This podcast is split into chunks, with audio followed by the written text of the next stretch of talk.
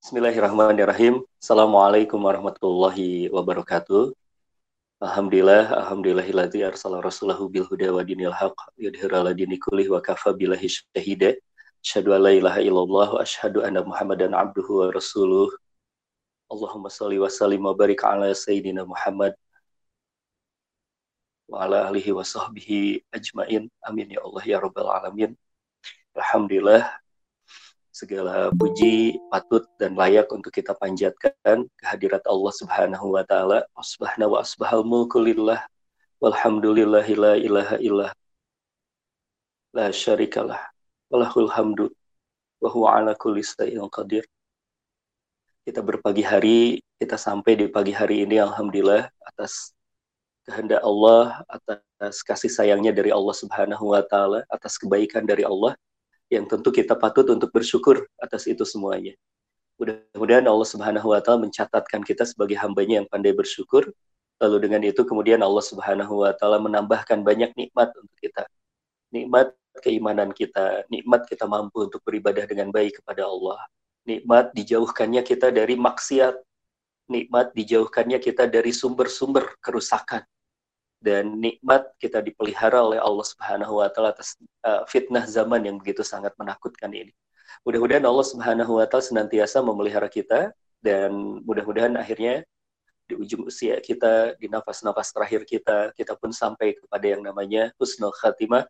Lalu kemudian nanti ketika kita meninggal, Allah Subhanahu wa taala lalu mencatat kita sebagai ahlu surga dan kemudian uh, nanti ketika kita pulang ke negeri akhirat, kita disambut oleh para malaikat dengan sebuah sambutan yang begitu sangat indah. Mereka berkata, Salamun alaikum bima sobartum. Keselamatan atasmu atas segala kesabaranmu untuk menghadapi berbagai ujian dunia, untuk menghadapi berbagai ujian ketaatan di dunia, untuk menghadapi ujian untuk menahan dirimu dari maksiat dan seterusnya dan seterusnya. Masya Allah.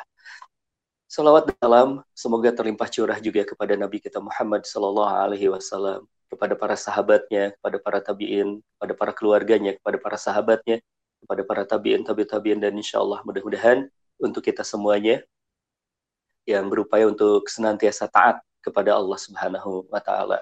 Teman-teman yang dirahmati oleh Allah Subhanahu wa taala, tentu dalam sebuah ikhtiar kita untuk taat kepada Allah ada sebuah perintah dan ini ada sebuah jalan yang terus-menerus kita harus tempuh apa perintah dan jalannya itu? Perintahnya itu adalah kita harus terus mengenal Allah Subhanahu wa taala.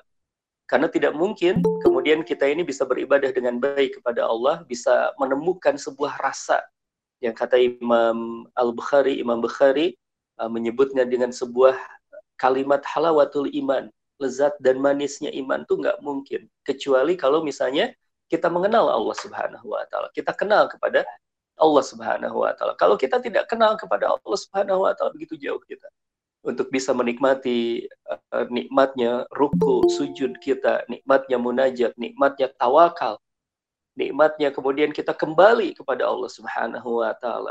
Selepas kita jauh dari Allah Subhanahu wa taala, selepas kita merasakan luka jauhnya dari Allah Subhanahu wa taala. Selepas kita merasakan gersangnya ketika kita dek, uh, dekat dengan sumber-sumber maksiat. Lalu kemudian kita mendekat kembali kepada Allah. Tidak mungkin kita bisa merasakan bagaimana Allah Subhanahu wa taala merengkuh kita dengan sebuah kalimat yang begitu sangat indah, irji'i ila rabbika radiyatan Gak mungkin. Kalau kita tidak mengenal Allah Subhanahu wa taala, gak mungkin kita bisa kuat untuk menghadapi berbagai kehidupan kita. Ketika kita menghadapi banyak-banyak persoalan kalau kita tidak mengenal Allah Subhanahu wa taala. Allah Al-Qawi, Allah yang kuat, Allah Ar-Razak, Allah yang memberikan rezeki. Allah uh, yang merupakan juga satu zat yang senantiasa terus mencurahkan nikmatnya, mencurahkan cintanya kepada kita. Allah Al-Wadud, Allah yang maha cinta. Kita nggak mungkin bisa kemudian menjalani kehidupan kita dengan tenang, dengan tentram seperti itu. Nggak boleh. Nggak, nggak bakalan bisa. Tidak akan pernah bisa. Tidak akan pernah bisa kecuali memang kita harus mengenal Allah Subhanahu wa taala. Makanya para ulama terdahulu ya tentu mengikuti tariknya, mengikuti jalannya Rasulullah Shallallahu alaihi wasallam. Yang pertama kali diajarkan kepada manusia adalah akidah. Yang diajari kepada manusia itu adalah tauhid yang benar. Karena dari tauhid yang benar inilah akan timbul sebuah ketaatan. Dari ketaatan itu akan timbul juga sebuah akhlak yang mulia. Dan akhlak mulia ini menjadi sebuah target dari tersebarnya risalah ini, dari disebarkannya risalah ini. Innamal bu'itsu liyutami makarimal akhlak. Sesungguhnya Allah Subhanahu wa taala mengutus Rasulullah yang ditegaskan oleh Rasulullah Shallallahu alaihi wasallam, "Innama bu'itsu liyutami makarimal akhlak." Sesungguhnya aku diutus di tengah-tengah manusia ini adalah untuk menyempurnakan akhlak yang mulia. Jadi ini pun tidak akan bisa tercapai kalau misalnya kemudian kita tidak sistematis memperbaiki diri kita. Begitu pula ketika kita bicara tentang tarbiyah kita. Kita bicara tentang mentoring kita. Kita bicara tentang pembinaan diri kita. Di satu lembaga yang kita cintai bersama ini, yang kita perjuangkan bersama ini, Murabians ini. Nggak mungkin kita bisa kemudian mendapatkan diri kita berubah. Kalau misalnya kita tidak memulainya dengan memperbaiki akidah kita. Nah, maka untuk itu daurah kita kali ini kita coba untuk menelusuri kitab-kitab akidah kita coba kombinasikan. Karena para ulama banyak sekali menulis tentang hal itu. Ya. Banyak sekali menulis tentang hal itu. Wajib untuk kita kemudian juga pelajari. Apalagi kita termasuk orang-orang yang sudah sangat bertekad, ingin memperbaiki diri kita. Dari mana awal perbaikannya? Dari kita mempelajari tauhid yang benar ini. Ya, selepas itu nanti kita bisa belajar yang lainnya, yang lainnya, yang lainnya. Insya Allah Allah Subhanahu Wa Taala memudahkan kita. Baik, Kali ini kita coba untuk menelusuri beberapa kitab. Beberapa kitab kita coba untuk kombinasikan. Ada uh, Akidah atau Hawiyah yang ditulis oleh Imam Abu Ja'far atau Hawi. Kemudian juga ada uh, As'ariyah. Ya, kita coba untuk kombinasikan juga dari Abu Hasan al-As'ari. Kemudian juga ada uh, Syekhul Islam Ibnu Taimiyah menulis uh, di Akidah Wasitiyah. Kita akan juga coba untuk intisarikan dari sana. Kemudian juga kita akan coba untuk uh, intisarikan dari penjelasannya Imam Al-Ghazali. Kita intisarikan juga penjelasannya dari Said Hawa di beberapa tulisan beliau, di beberapa matan uh, sarah ya sarah beliau, penjelasan beliau tentang usul salah sah ini. Mudah-mudahan ini bisa menjadi sebuah pintu masuk karena tentu kewajibannya adalah kewajiban antum. Ya kewajiban antum untuk mempelajari, kewajiban antum untuk uh, menggali, mencari kitab-kitab ini. Saya hanya ingin menginformasikan saja untuk Anda, untuk antum semuanya, lalu kemudian membuat kita menjadi memiliki sebuah hal, ya, tekad untuk kita belajar. Ternyata banyak sekali yang harus kita pelajari. Misalnya ada satu pintu masuk ketika kita mempelajari tentang akidah ini. Ya, para ulama ahli akidah membagi urutan-urutan pembelajaran akidah ini, akidah kepada Allah, ikatan kepada Allah ini dengan tiga hal, yaitu rububiyah, ya, ya, tauhid rububiyah, kemudian tauhid uluhiyah, dan yang ketiga adalah tauhid asma wa sifat. Nah, saya pernah ditanya, saat ini siapa yang pertama kali membagi menjadi tiga ini? Kalau kita belajar akidah ini menjadi tiga ini ada tauhid rububiyah, tauhid uluhiyah, tauhid asma wa sifat. Bukankah kemudian juga Rasulullah Shallallahu Alaihi Wasallam tidak membagi-bagi itu? Ya. Betul. Kalau misalnya kita bicara tentang ini semuanya, Rasulullah Shallallahu Alaihi Wasallam tidak membagi-bagi itu. Sama seperti ketika Eh, sama halnya dengan Rasulullah Shallallahu Alaihi Wasallam juga tidak mengajarkan ilmu tahsin, ya. Rasulullah Shallallahu Alaihi Wasallam juga tidak mengajarkan uh, usul fikih, tidak ada. Itu, itu para ulama yang mengkodifikasi ini semuanya.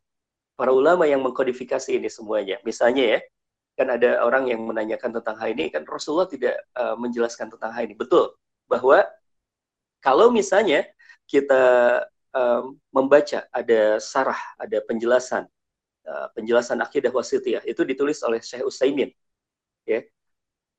Syekh Utsaimin sendiri. Itu membagi menjadi tiga ya, Syekh Utsaimin membagi menjadi tiga. Tauhid rububiyah tauhid uluhiyah tauhid asma wa sifat. Sementara kalau kita merujuk langsung kepada matannya matan akidah wasitiyah matan akidah wasitiyah kitab aslinya itu di dalam kitab aslinya tersebut itu memang tidak dijelaskan tentang yang namanya akidah itu dibagi menjadi tiga rububiyah uluhiyah uh, asma wa sifat ya. Bahkan kalau misalnya antum baca di isi kitabnya itu isi kitab uh, akidah awasitiyah itu setengah setengah dari buku ini setengah dari kitab ini ya setengah dari kitab ini itu hanya berbicara tentang bagaimana ayat-ayat setengahnya. Setengahnya. Ibnu Taimiyah merangkum setengahnya dengan kitab ini itu informasi tentang bagaimana Allah Subhanahu wa taala memperkenalkan dirinya melalui Al-Qur'an. Misal, ya, saya bacakan sebagian saja. Kalau dibacakan semuanya habis waktu kita. Beliau kemudian menuliskan di dalam kitabnya ini ya, di, diawali dengan alhamdulillahilladzi arsala rasulahu bil huda wa dinil haq lidhira ala dini kullih wa kafa billahi syahida wa asyhadu anna wa asyhadu an la ilaha illallah wahdahu la syarikalah iqrara bihi wa tauhidan wa asyhadu anna muhammadan abduhu wa rasuluh sallallahu alaihi wa ala alihi wa sahbihi wasallam tasliman mazidan amma ba'du fahada tiqadu firqati najiyah mansurati ila qiyamis sa'ah. Jadi beliau mengatakan bahwa ini adalah sebuah penjelasan tentang akidah yang selamat, firqatun najiyah, golongan orang yang selamat. Ila uh, ila qiyamis sa'ah, yang selamatnya itu sampai kemudian juga uh, hari akhir nanti. Ila qiyamis sa'ah. Ahli sunnati wal jamaah. Nah, ini disampaikan bahwa ini adalah yang diambil oleh ahlu sunnah wal jamaah. Imanu billahi wa malaikatihi wa kutubihi wa rusuli wal ba'si ba'dal mauti wal imani bil qadari khairi wasari. Jadi intinya sama sebenarnya. Kalau kita bicara tentang arkanul iman, bicara tentang uh, bagaimana keimanan itu, keimanan kita sama. Wahwal iman yaitu kita orang-orang yang beriman wahwal imanu billah kepada Allah Subhanahu wa taala wa malaikatihi kepada malaikat wa kutubihi kepada kitab-kitab wa rusulihi kepada rasul wal ba'si ba'dal maut dan hari kebangkitan setelah kematian itu wal imani bil qadari khairi was sari dan kepada uh, takdir yang baik dan takdir yang buruk. Wa minal imani billah lalu kemudian baru beliau berkata tentang uh, wa minal imani billah dan ketika kita bicara tentang keimanan kita kepada Allah Subhanahu wa taala al imanu bima wasafa bihi nafsahu fi kitabihil aziz keimanannya itu, informasinya itu, kalau diterjemahkan secara bebas ya, uh, itu adalah mengambil informasi sumbernya itu. Kalau kita bicara tentang keimanan kita kepada Allah, harus fi bihil aziz. Harus dari kitab. Harus dari Allah Subhanahu wa taala yang menginformasikannya. Ini adalah sumber primernya. Nanti kita bicara tentang tarik ila ma'rifatillah. Bagaimana jalannya kita menuju Allah Subhanahu wa taala. Tarik ila ma'rifatillah memang uh, jalan kepada Allah ini yang pertama adalah bil kitabil aziz. Ya. Fi kitabil fi kitabihi aziz. Yaitu ada dicantumkan di dalam Al-Qur'an. Kita bisa baca saja dan Ibnu Taimiyah menulis setengah bukunya itu, setengah kitab, setengah kitabnya itu itu tentang informasi berkenaan dengan Allah memperkenalkan dirinya sendiri. Allah memperkenalkan dirinya sendiri. Wabima sofahu wabima wasofahu bihi rasuluhu Muhammad dan Kemudian ditambahkan dan juga yang diinformasikan oleh uh, Muhammad Sallallahu Alaihi Wasallam yang disifatkan, yang diterangkan sifat-sifatnya oleh uh, Muhammad Sallallahu Alaihi Wasallam oleh Rasulullah Sallallahu Alaihi Wasallam. Min ghairi tahrifi wala ta'til wa min ghairi uh, taksifi wala tamsil. Nah, lalu dibatasi. Nah, ini perbedaannya. Kalau di dalam akidah al-wasitiyah dikatakan bahwa tidak ada tamsil, tidak ada pengibaratan, tidak ada pengurangan, tidak ada kelebihan uh, saklek tekstual. Diambil dari apa yang ada di dalam Al-Quran, apa yang ada di dalam Alkitab, uh, Al-Hadis, maaf. Yang ini kemudian banyak disalahpahamkan, banyak yang disalahpahami oleh sebagian uh, pelajar awal yang mengatakan bahwa sehingga kemudian ya nanti uh, misalnya nih misalnya mengomentari yang dijelaskan oleh Abu Hasan Al Asari yang kita kenal sebagai akidah Asariyah ini dari mana ada sifat 20 gitu ya. Ini dari mana ada sifat 20? Padahal kemudian juga uh, tidak ada ya, di dalam di dalam Al-Qur'an secara saklek mengatakan sifat 20 misalnya atau di dalam hadis tidak ada saklek mengatakan sifat 20. Nah, ini yang menjadi satu poin pencerahan pertama kali bahwa kalau misalnya kita langsung membaca apa yang dijelaskan oleh uh, Abu Hasan Al Asari itu adalah intisari dari itu semuanya. Beliau tidak menjelaskan kecuali dari Al-Quran sama, kecuali dari As-Sunnah sama gitu. Tetapi kemudian beliau menjelaskan karena kita harus paham apa yang menjadi backgroundnya, apa yang dihadapi oleh uh, Abu Hasan Al Asari pada saat itu. Yang sedang dihadapi oleh beliau adalah mulhid, orang-orang ateis. Yang sedang dihadapi oleh beliau adalah orang-orang Mu'tazilah pada saat itu. Karena umat Islam kan pada saat itu sedang dan sudah berinteraksi dengan ilmu-ilmu yang diimpor dari Yunani pada saat uh, khilafah Abbasiyah itu kan dibangun Bait al-Hikmah, Baitul Hikmah. Di mana dibangunnya? Di sana di Baghdad sekarang, di Baghdad, di Basrah itu di Irak. Itu dibangun Dan salah satu kegiatan yang dilakukan di Bait Al-Hikmah itu adalah penterjemahan. Diterjemahkanlah karya-karyanya Aristoteles, diterjemahkanlah karya-karyanya Plato. Sehingga umat Islam kemudian bersentuhan dengan pemikiran Yunani. Nah pada saat itu kemudian terjadi mulhid, terjadinya orang-orang ateis, munculnya orang-orang ateis, munculnya penyimpangan-penyimpangan. Orang-orang yang belajar filsafat kemudian kebablasan. Gitu ya kebablasan. Sehingga kemudian Abu Hasan Al Asari masuk untuk meluruskan itu. Jadi objeknya adalah orang-orang yang bersentuhan dengan filsafat. Objeknya itu adalah orang-orang yang ateis. Yang kemudian Abu Hasan Al Asari mengatakan bahwa sifat Allah yang pertama itu wujud. Karena ini menjadi persoalannya sifat sifat Allah yang pertama itu ada harus diyakini Allah itu ada kenapa karena orang ateis tidak meyakini itu bukan hanya orang ateis kalau misalnya kita tarik ya, apakah masih ada orang-orang yang seperti ini? Masih banyak. Bahkan orang yang masih mengaku Islam, gitu ya. Tapi kemudian dia mengaku agnostik. Kenapa? Gara-garanya dia mempelajari ilmu pengetahuan, lalu tidak yakin tentang wujudnya Allah, tentang adanya Allah, tentang kekuasaannya Allah, tentang rububiyahnya Allah. Dia tidak yakin. Kenapa? Karena dia mengatakan ini adalah uh, law nature saja. Ini adalah hanya hukum alam saja. Ya, tidak ada Allah itu berkehendak di sana. Tidak ada kemudian Allah itu memiliki kekuasaan. Ini ada hukum sebab akibat saja, hukum fisika saja, gitu ya. Jadi hukumnya kemudian mereka masuk ke dalam satu hukum yang namanya hukum kekekalan energi misalnya. Itu kan mereka tuh yang berpikir seperti itu. Orang-orang itu masuk ke dalam hukum kekekalan energi bahwa yang namanya hukum kekekalan energi itu fisik atau materi menghasilkan energi kan usulnya awalnya gitu seperti itu. Maaf membahas fisika dengan bahasa uh, usul asasnya, masya Allah. Jadi jadi campur bahasa sains dengan bahasa uh, apa namanya bahasa hukum ya bahasa fikih. Tapi uh, usulnya, asasnya, asasnya dari hukum kekekalan energi itu adalah materi menghadirkan energi, sehingga tidak mungkin energi menghasilkan materi. Bukan seperti itu cara berpikirnya, itu kata mereka.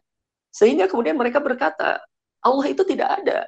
Karena harus ada materi dulu, baru kemudian ada energi. Tidak mungkin sesuatu energi, ruh itu, yang Allah itu adalah ruh, dikategorikan oleh mereka, menghasilkan materi. Nggak mungkin, kata mereka. Begitu. Ini uh, hukumnya dari hukum kekekalan energi. Dan mereka kemudian mengatakan bahwa energi itu kan tidak akan musnah. Ketika kemudian juga sesuatu itu hilang, lalu kemudian uh, menjadi energi yang lainnya, menjadi uh, materi yang lainnya, menjadi materi yang lainnya, begitu. Nah, sementara itu dibantah oleh yang namanya Said Hawa, seorang ulama besar. Said Hawa ini ulama besar, yang kemudian juga memahami tentang hal itu. Ya, beliau juga uh, mempelajari apa yang ditulis, apa yang diterangkan oleh Abu Hasan al Asari. Beliau masuk dengan sebuah jawaban yang sangat-sangat ilmiah sangat-sangat ilmiah. Dan kita menghadapi hal yang semacam ini kan.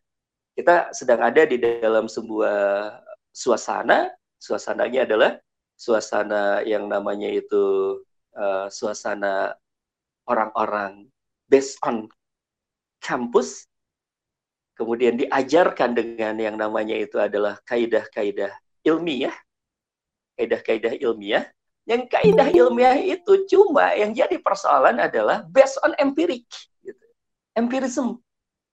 Bahwa sesuatu yang terlihat baru dipercayai. Kan ini menjadi persoalan. Ini yang menjadi persoalan.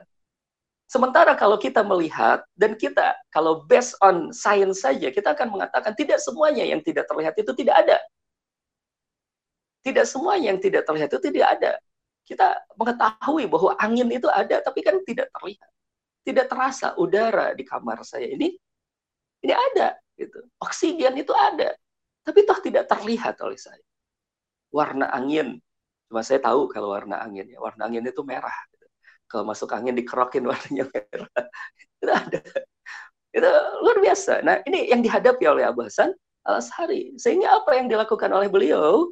Yang dilakukan oleh beliau, beliau menggunakan cara pemikiran mereka untuk membantah mereka. Jadi pahami ini ya, meskipun Ibnu Taimiyah mengatakan bahwa uh, berkata uh, Eh, bima wasofa bihi nafsuhu fi kitabihil aziz wa bima uh, wa bima wasofahu bihi Rasulullah Muhammad sallallahu alaihi wasallam ini disepakati oleh siapa pun, disepakati oleh siapa pun, ya. disepakati oleh ulama-ulama mana pun termasuk As'ari, As'ariyah menyepakati itu atau Hawiyah. Saya ada matan atau Hawiyah juga. Ya, itu pun sama mengatakan hal yang semacam itu. Cuma metodologi penyampaian yang berbeda. Ini yang harus kita pahami. Metodologi penyampaian yang berbeda. Ya, karena objeknya berbeda-beda. Inilah satu hal yang harus kita pahami bahwa ulama-ulama terdahulu itu paham cara mengajar. Paham cara mengajar, siapa objeknya. Sehingga ketika objeknya berbeda, disampaikannya juga berbeda. Disampaikannya juga berbeda. Ya. Nah, lalu kemudian, misalnya ya, ketika tadi orang-orang mulhid, orang-orang ateis ini berkata bahwa uh, hukum kekekalan energi, materi menghasilkan energi, bukan energi menghasilkan materi, dibantah dengan sangat ilmiah oleh Said Hawa misalnya di dalam uh, kitab beliau Allah wa Rasul ya usul salasah penjelasan usul salasah beliau menjelaskannya dengan gampang betul secara hukum kekekalan energi hukum termodinamika kan ya itu disampaikan bahwa energi itu tidak akan musnah ya. Tapi hanya terkonversi menjadi energi yang lainnya tapi gampangnya seperti ini kata beliau. Semisal kita bicara tentang yang namanya itu AC ya AC AC uh, pendingin ruangan. Ketika kita bicara tentang pendingin ruangan, secara fisika kita bisa hitung, kata beliau. Uh, kalau misalnya ingin menghadirkan yang namanya 15 atau 20 derajat suhu kamar, 20 derajat suhu kamar, itu diperlukan uh, listrik berapa berapa watt gitu ya, yang merubah panas menjadi dingin, ya, yang merubah panas menjadi dingin. Itu yang dilakukan di dalam hukum termodinamika itu. Tapi kata beliau gampang sekali, ya. Jadi uh, kan kata kata orang-orang ateis itu berarti adalah AC itu menghasilkan dingin dan kemudian berubah energi panas menjadi energi dingin. Ada benda yang menghasilkan energi. Beliau dengan mudah. Kalau misalnya kita bicara tentang hukum termodinamika itu, mudah sekali. Dalam termodinamika itu ada yang namanya itu pemicu awal. Harus ada pemicu awal harus ada pemicu awal, yaitu listrik yang dikeluarkannya berapa dan siapa yang nyalain. Sederhana, siapa yang nyalain listrik ya kata beliau. Kalau tidak ada yang menyalakan listrik itu AC nggak mati terus. Nah maka kemudian harus ada penyebab awal. Harus ada penyebab awal dan penyebab awalnya itu yang kita sebut sebagai Allah. Yang kita sebut sebagai Rob di sinilah inti dan awal persoalan bahwa Allah Subhanahu Wa Taala itu kita kenal sebagai Rob. Rob itu adalah pencipta awal. Rob itu adalah Allah yang menciptakan awal dari semuanya. Ketika ini semuanya belum ada, ketika semesta ini belum ada, Allah Subhanahu wa taala sudah ada dan menjadi penyebab awal dari itu semuanya. Nah, begitu ya, maka kemudian Abu uh, uh, Imam Ash'ari mengatakan bahwa Allah itu sifat yang pertama harus wujud dulu. Karena kalau tidak percaya Allah wujud itu susah. Mau menerangkan apa pun susah harus diyakini terlebih dahulu dan ini adalah objek pertama terlebih dahulu harus meyakinkan dan harus kita tahu bahwa Allah itu memiliki rububiyah. Inilah yang kemudian akhirnya dikategorikan oleh para ulama. Tauhid yang pertama yang harus dipelajari adalah tauhid rububiyah. Jadi begitu ya panjang lebar ininya apa namanya penjelasannya. Begitu pula ketika misalnya saya coba untuk kutip apa yang dikatakan oleh Abu Ja'far atau Hawi ya. Abu Ja'far atau Hawi. Abu Ja'far atau Hawi mengatakan seperti ini di dalam kitabnya itu. Nakulu fi tauhidillah mu'taqidin bitaufikillah innallaha wahidun la syarikalahu. Kami mengatakan tentang tauhid kepada Allah dengan yakin akan taufik Allah. Sesungguhnya Allah itu adalah asa, adalah asa satu, tidak ada sekutu baginya. Wala say'a misluhu, tidak ada sesuatu yang semisal. Wala say'u yu'jizuhu, tidak ada sesuatu pun yang melemahkan ini tentang konsep kul huwallahu ahad wala ilahu wala ilaha ghairuhu tidak ada tuhan yang berhak disembah selainnya ini yang uluhiyah nanti kita bahas qadimu bilabtidain daimun bilan tihain maha dahulu tanpa permulaan maha abadi tanpa berkesudahan nah ini awal dari bahasan tauhid rububiyah yaitu maha dahulu tanpa permulaan Allah yang menjadi sebab awal dari semesta ini ada Ya, Allah yang menjadi sebab dahulu penyebab awal dari uh, keberadaan semesta ini yang maha dulu tanpa permulaan. Ya kan kalau filsafat nanti terus nanya gitu ya. Ya kalau misalnya Allah yang terdahulu, maka siapa yang menciptakan Allah? Kan orang filsafat seperti itu. Gampang dijawabnya. Kalau Allah masih diciptakan berarti bukan Allah. Mudah kan? Kalau Allah masih ada yang menciptakannya berarti itu bukan Allah. Yang berarti yang menciptakannya itu, yang itu yang Allah gitu. Tapi bagaimana yang yang itu yang menciptakannya? Ya itu yang terus menerus. Jadi kalau pertanyaannya menjadi pertanyaan berbau filsafat tidak akan ada ujungnya. Maka kemudian dikunci di dalam tauhid kita ini adalah kodimun bila tidain daimun bilantihain. Maha dahulu tanpa permulaan, maha abadi tanpa berkesudahan. Yang ini kalau dalam bahasa ini kan akidah atau hawiyah. Dalam akidah asariah dikatakan kodim bahwa Allah itu terdahulu, Allah itu ada semenjak kemudian juga uh, semesta ini belum ada. Allah itu kodim, wujud kidam, gitu ya. Nah, ini satu hal. Nah, sehingga kemudian juga ini menjadi satu yang kita bahas sebagai tauhid rububiyah. Kita kembali lagi ke penjelasannya. Uh, Syekh Utsaimin juga mengatakan hal yang sama, hal yang sama ya di dalam penjelasan beliau beliau mengatakan ini ada satu objek terlebih dahulu yang harus kita pelajari yaitu tauhid rububiyah. Dalilnya dari firman Allah di dalam surat Al-A'raf ayat ke-54. Di surat Al-A'raf ayat ke-54 di mana Allah Subhanahu wa taala menegaskan tentang yang namanya hak menciptakan. Hak menciptakan. Disampaikan oleh beliau bahwa hak menciptakan itu hanyalah hak Allah. Rububiyah itu adalah haknya Allah. Tidak ada yang menciptakan selain Allah. Jadi kalau saya sering mengkoreksi kan ada yang mengatakan pencipta lagu, ah, antum nggak menciptakan lagu, ya, antum itu hanya mengkompos, hanya mengkompos, ya, hanya mengkompos saja, hanya mengkompos, hanya apa namanya tuh menyusun, menyusun nada, nadanya sudah diciptakan sama Allah, ya, pencipta buku? Enggak, antum tuh hanya menyusun, penyusun buku, ya. Karena idenya datang dari Allah ilmunya datang dari Allah dan lain sebagainya. Antum cuma bagian nulis. Cuma bagian kemudian juga uh, apa namanya menyusun berbagai kata berbagai kalimat itu sehingga kemudian menjadi susunan kalimat itu. Ilmunya berasal dari mana? Dari Allah. Ilmunya berasal dari Allah. Begitu ya? Jadi hak menciptakan itu hanyalah hak Allah Subhanahu wa taala. Penjelasan dalil dari uh, ayat ini banyak ya tentang Allah Subhanahu wa taala itu hak hak penciptaan itu ada di dalam Allah Subhanahu wa taala. Hanyalah milik Allah Subhanahu wa taala. Konsekuensinya adalah ketika Allah Subhanahu wa taala menciptakan, maka hanya Allah yang memiliki kita. Hanya Allah pemilik semesta ini. Hak kepemilikan ini hanyalah milik Allah. Gak ada orang yang berkata ini milikku, gak ada seharusnya. Ini milik Allah. Semesta ini milik Allah, langit dan bumi ini milik Allah Subhanahu wa taala. Sehingga kalau dari dua kalimat itu saja konsekuensinya panjang sekali. Kalau kita bicara tentang tauhid rububiyah ini panjang sekali urusannya. Kalau kita merasa sudah diciptakan oleh Allah, merasa dimiliki oleh Allah Subhanahu wa taala, pertanyaannya sederhana. Pertanyaan sederhananya adalah berarti kita punya hak nggak untuk melawan Allah? Punya hak nggak untuk tidak taat kepada Allah?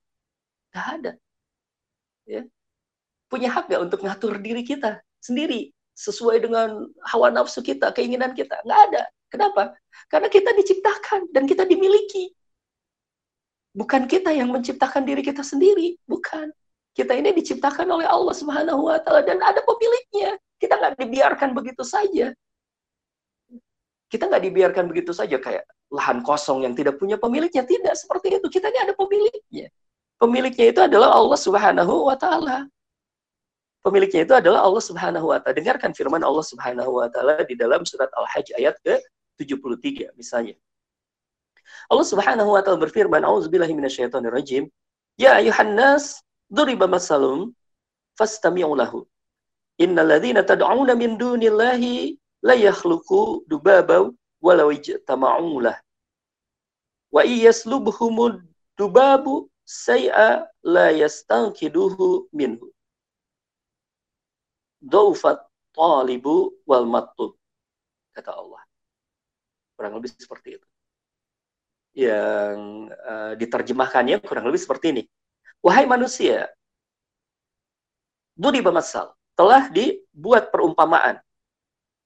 Fastami'u lahu dengerin kata Allah dengerin Allah Subhanahu wa taala menyinggung pendengaran kita karena pendengaran kita ini kalau kita bicara tentang teori belajar Ini kan sumber dari ilmu, salah satu pintu masuk dari ilmu, yaitu pendengaran. Sehingga kalau misalnya kita baca ayat-ayat tentang bagaimana orang-orang yang menolak tentang agama ini uh, sederhana ternyata. Orang-orang yang menolak agama ini adalah orang yang dikatakan oleh Allah Subhanahu wa taala mereka memiliki telinga tetapi tidak mau mendengar. Memiliki telinga tetapi tidak mau mendengar. Makanya kemudian Allah Subhanahu wa taala mengatakan dengarkan ini dengarkan ini fastami' dengarkan ini kata Allah Subhanahu wa taala. Fastami' lalu kemudian Allah Subhanahu wa taala melanjutkan innalladzina tad'una min dunillah. Sesungguhnya segala sesuatu yang kamu seru, yang kamu seru, yang dipanggil, yang diminta selain Allah Subhanahu wa taala, selain Allah Subhanahu wa taala itu adalah sekali-kali sekali-kali tidak dapat menciptakan seekor lalat pun. Ya Allah Subhanahu wa taala sedang berbicara tentang rububiyah. Tidak ada tidak ada sekuat apa pun, sehebat apa pun. Misalnya orang yang dikatakan uh, sehuna wal mukarom nggak bisa bikin lalat nggak bisa. Atau seorang yang disebut sebagai raja di raja di semesta raya. Misalnya pun pakai gelar misalnya ya. Raja kerajaan timur dan barat. Ah nggak bisa bikin bikin sesuatu tuh nggak bisa. Bikin makhluk hidup tuh nggak bisa ya. Kita bisanya bikin apa? Bikin comro bisa gitu ya. Uh, ada bikin roti roti ayam enak tuh pagi-pagi. Sambil sarapan mangga silahkan. Ya enak. Tapi kalau misalnya bicara tentang makhluk yang hidup oh rumit. Makhluk hidup itu rumit. Tadi saya baru ngeluarin kecoa di depan ya uh, sambil saya buang ke depan ke toilet itu sambil kemudian juga istighfar. Kenapa istighfar? Ya Allah ini tuh makhlukmu.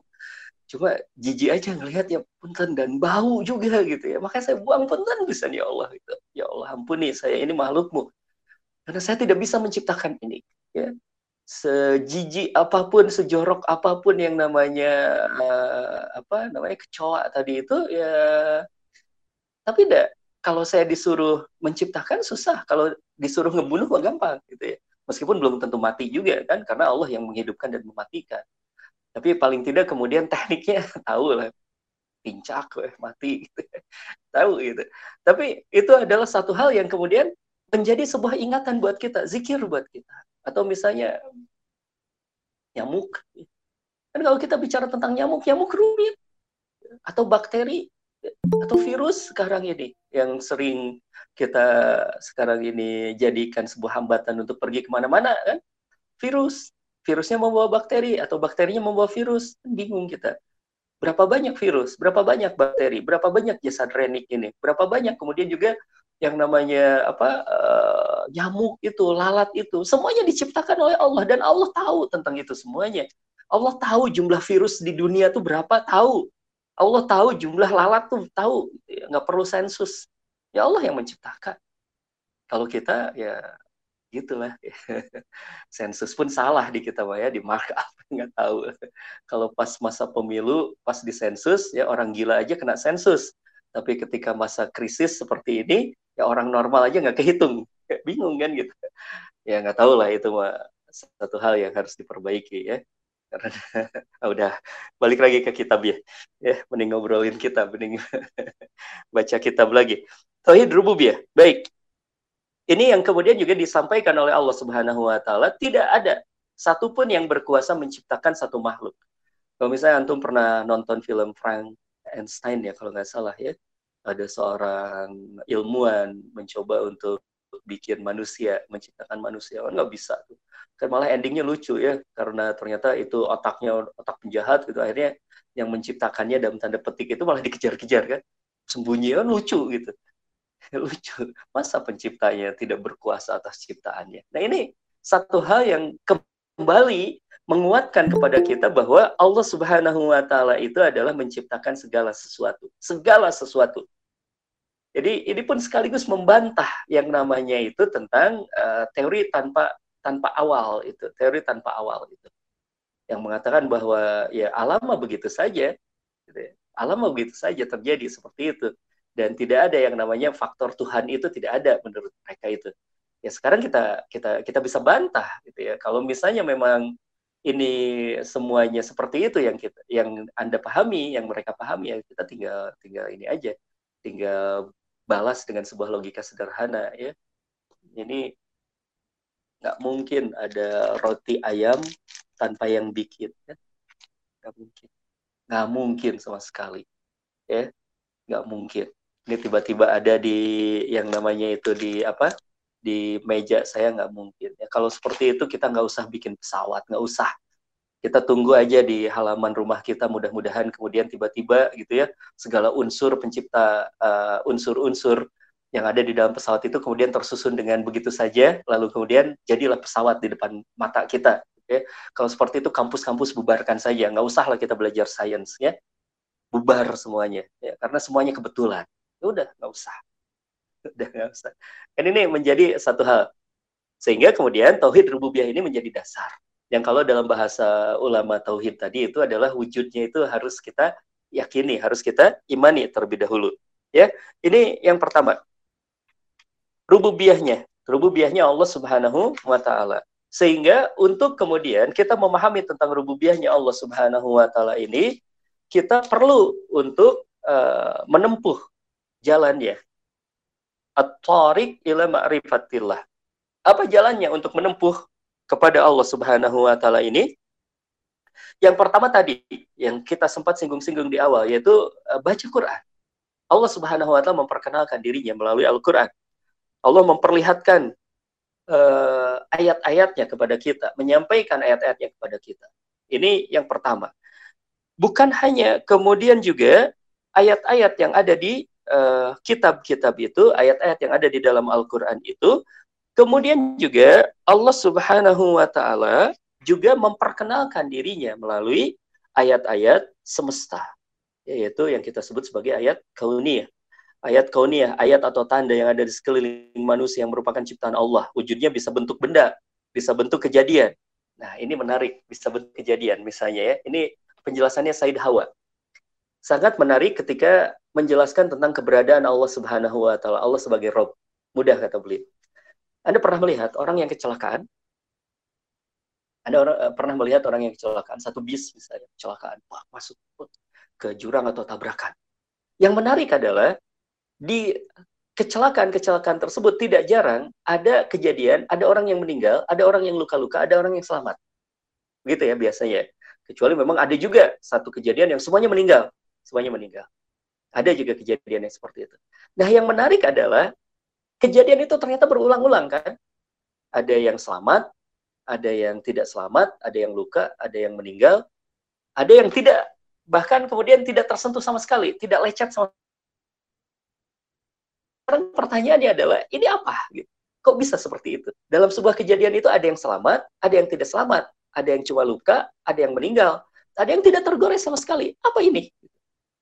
Apakah bisa dijawab dengan teori peluang? Enggak juga. Kan? Kalau peluang uh, disentuhkan dengan yang namanya itu adalah tadi disentuhkan dengan yang namanya kebetulan, kebetulan yang berulang-ulang itu bukan kebetulan. Kebetulan yang berulang-ulang itu bukan kebetulan. Nggak mungkin keulang uh, apa namanya kebetulan itu peluangnya sangat tinggi. Berulang-ulang terus. Kalau berulang-ulang itu pasti ada pola. Kalau berulang-ulang itu pasti sengaja gitu. Pasti ada yang mengatur. Yang mengaturnya siapa? Allah.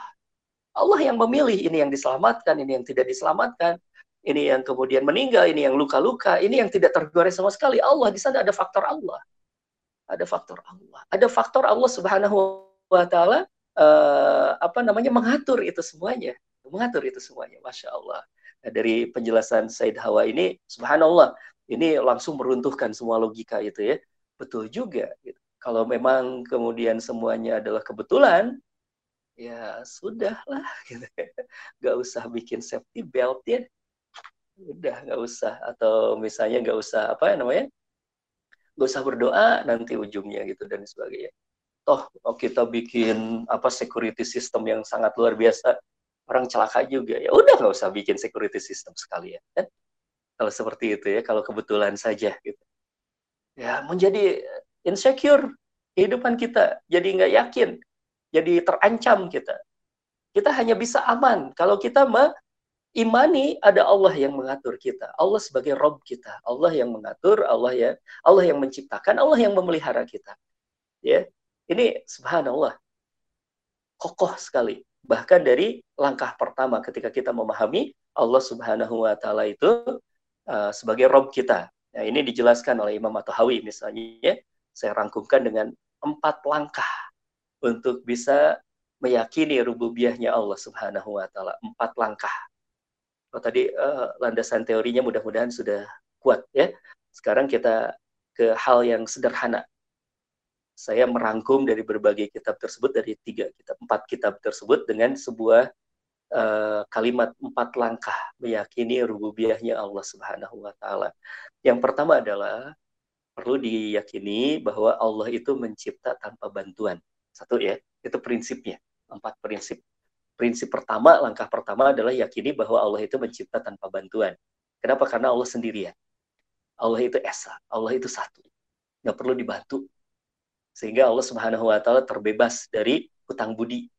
Kalau dibantu kan eh, berutang, gitu ya. Kalau dibantu makanya ada di sebuah negara, negara nggak tahu di negara mana gitu, Brazil Selatan bagian selatannya lagi gitu mungkin ya. itu ada para pejabat yang dibantu oleh para cukong gitu ya untuk jadi pejabatnya sehingga akhirnya apa yang ada akhirnya yang ada adalah dia terikat hutang budi sehingga kepentingan cukong yang diperjuangkan ketika dia memerintah ketika dia berkuasa gitu ya kepentingan rakyat mah nomor nggak tahu lah nggak ada nomornya barangkali gitu ya sehingga kepentingan cukongnya ini adalah uh, wahidat nomor satu. Nah, Allah Subhanahu wa taala mencipta tanpa bantuan siapa pun, nggak perlu kita. Nggak perlu kita. Allah itu mandiri ketika menciptakan sesuatu itu dan sesuai kehendak Allah. Terserah Allah saja karena Allah tanpa bantuan tidak menerima bantuan dan tidak kemudian juga dibantu, tidak usah dibantu, maka Allah Subhanahu wa taala kemudian menciptakan makhluk sekehendaknya dia. Sekehendaknya dia.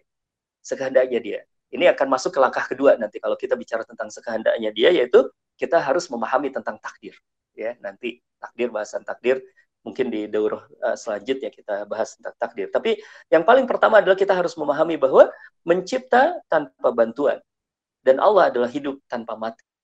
Dia adalah awal dan juga yang paling akhir. Wal awal wal akhir. Dia adalah yang paling awal dan tanpa akhir. Yang paling awal bahkan penyebab awal sebelum awal itu ada. Dan dia tidak akan berakhir. Wal awal wal akhiru. Ya, dan juga Allah itu ketika tadi mencipta tanpa bantuan, maka satu prinsip ketika Allah mencipta tanpa bantuan itu laisa kamislihi sayun. Dia itu tidak serupa dengan makhluk dan ini tidak boleh kita menyerupakan dengan makhluk ya. Tidak boleh kemudian kita mengatakan bahwa misalnya aduh Allah tidak memperhatikan nampaknya uh, Allah ngelewatin kita nih gak kelihatan kitanya gitu ya. Pas pembagian rizki kayaknya Allah nggak ngelihat kita. Wa nauzubillah Gak boleh kita menyerupakan Allah Subhanahu wa taala dengan kita. Kita yang kadang-kadang luput, kita yang salah paham, kita yang kadang-kadang salah sangka sama kita. Allah mah nggak pernah. Allah itu subhanallah, Allah itu ter, tersucikan dari yang namanya sifat-sifat buruk seperti itu dan berbeda dengan kita. Makanya kalau Imam Ahmad bin Hambal rahimahullah, beliau sampai mengatakan bahwa ketika misalnya kita mengatakan tangan Allah bersama dengan tangan mereka, ada ayatnya. Bahkan memberikan sebuah kode seperti ini saja, tangan Allah itu nggak boleh. Karena tangannya kita berbeda dengan tangannya Allah. Tangannya Allah itu berbeda dengan tangannya kita. Laisa kami selisai. Berbeda dengan kita. Kemudian juga kalau misalnya kita bicara tentang Allah melihat, jangan sampai kita nunjuk kepada mata kita karena beda. Ya, melihatnya Allah dengan melihatnya kita berbeda.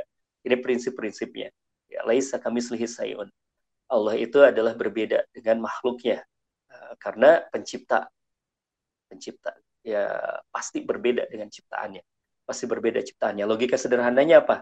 Yang bikin kursi nggak mungkin mirip kursi. Ada tukang mebel bikin kursi, eh, ternyata kok yang bikin kursinya kayak kursi, nggak bisa kan? nggak bisa ya beda lah masa yang bikin tukang mebel mirip kursi ya nggak ada ini jadi mencipta tanpa bantuan dan mencipta tanpa bantuannya itu adalah tidak serupa dengan makhluk, kemudian juga hidup dan tidak akan mati dan punya sifat azali yaitu awal dari segalanya dan tidak akan berakhir. Satu. Itu langkah yang pertama, ya, sederhanakan. Kita sederhanakan. Langkah yang kedua adalah menghidupkan dan mematikan. Karena Allah yang menciptakan, maka kemudian Allah yang berhak untuk menghidupkan, Allah yang berhak untuk mematikan. Yuhi wa yuhi wa yumit, yuhi wa yumit. Allah yang menghidupkan, Allah yang mematikan. Ya. Dan ketika Allah yang menghidupkan, nanti akan ada hubungannya dengan takdir. Allah nggak mungkin kalau misalnya Allah menghidupkan itu tidak memelihara kita, tidak memberikan kepada kita ini uh, sebuah bimbingan atau jaminan, nggak nggak mungkin, gitu ya. Ini langkah yang kedua, Allah yang menghidupkan dan Allah yang mematikan. Dan ketika Allah sudah mematikan atau ketika Allah ingin mematikan, Allah tuh nggak pernah takut, nggak pernah takut. Ya, Allah tuh nggak pandang bulu, ya, karena kalau pandang bulu yang banyak bulunya ya gorila, bukan manusia. Gitu. Allah nggak pandang bulu dan nggak pernah takut. Ya nggak pernah juga kemudian, wah ini wah pejabat nih, ya udah gimana kalau dimatiin nanti uh, tentaranya dikerahkan. Nggak bisa gitu. Cabut cabut aja. Ya cabut cabut saja. Ini sangat berkuasa. Berarti ini masuk ke satu uh, tahapan yang ketiga yaitu tahapan tentang mengatur dengan ilmunya. Mengatur dengan ilmunya. Maha kuasa mengatur dengan ilmunya ya karena Allah itu tadi tanpa takut ketika menghidupkan dan mematikan ya Allah mah tidak akan dimintai pertanggungjawaban ketika Allah membuat sesuatu. Kita yang dimintai pertanggungjawaban karena Allah yang menciptakan kita ya. Tetapi ketika bicara tentang itu semuanya menghidupkan mematikan kemudian juga uh, mengatur dan lain sebagainya Allah itu punya ilmunya. Allah itu mengukur semuanya dengan ilmunya dan ilmu yang kita kenal adalah ilmunya Allah itu bijaksana.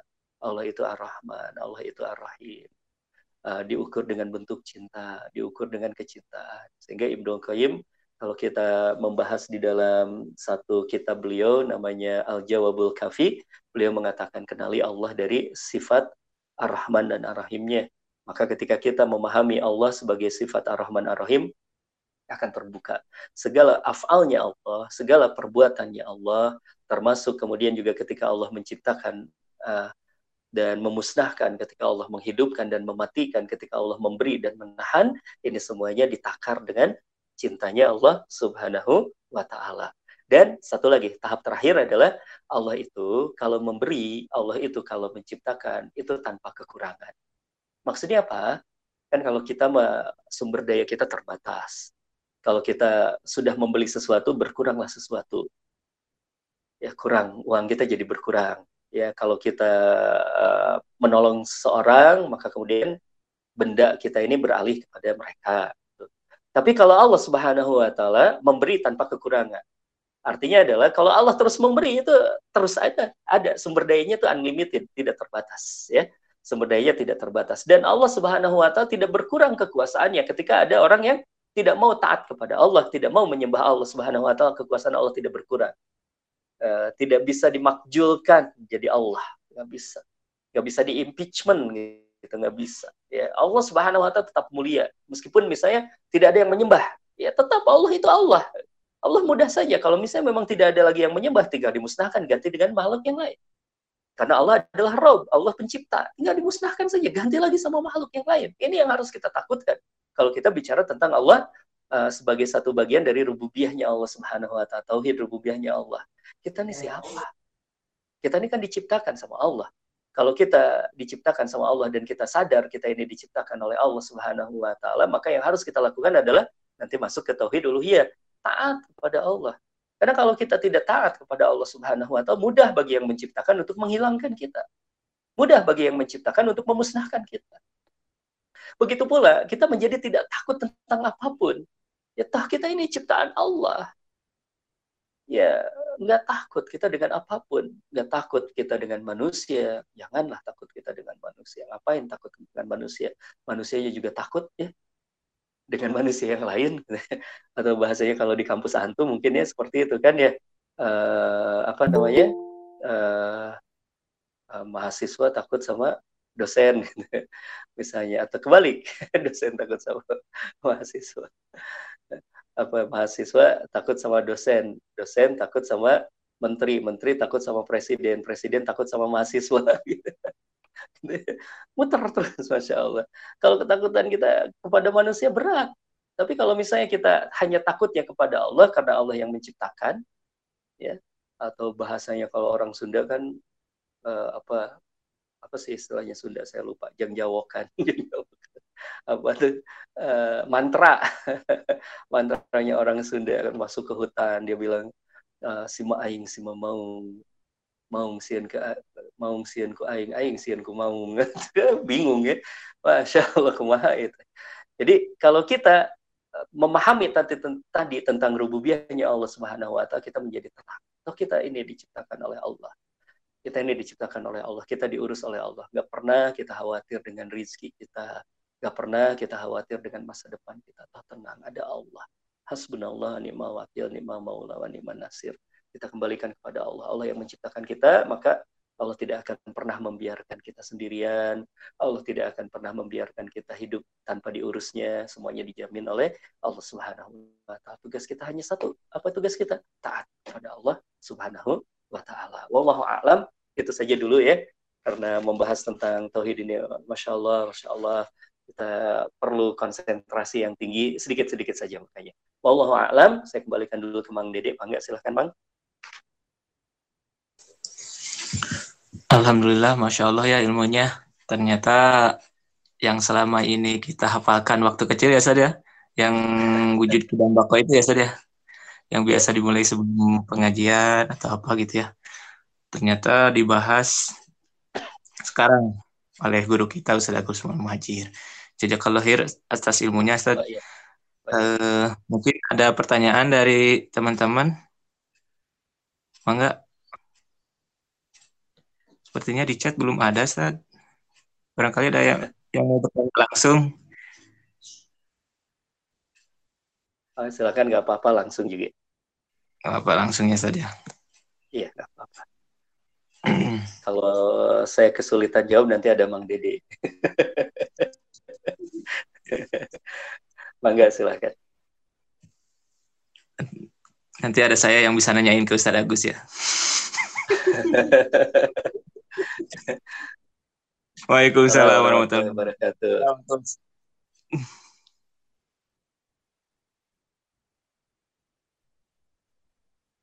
Mm-hmm.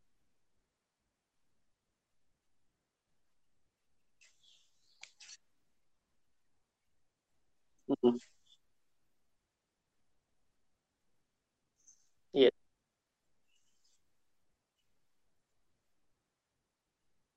Hmm.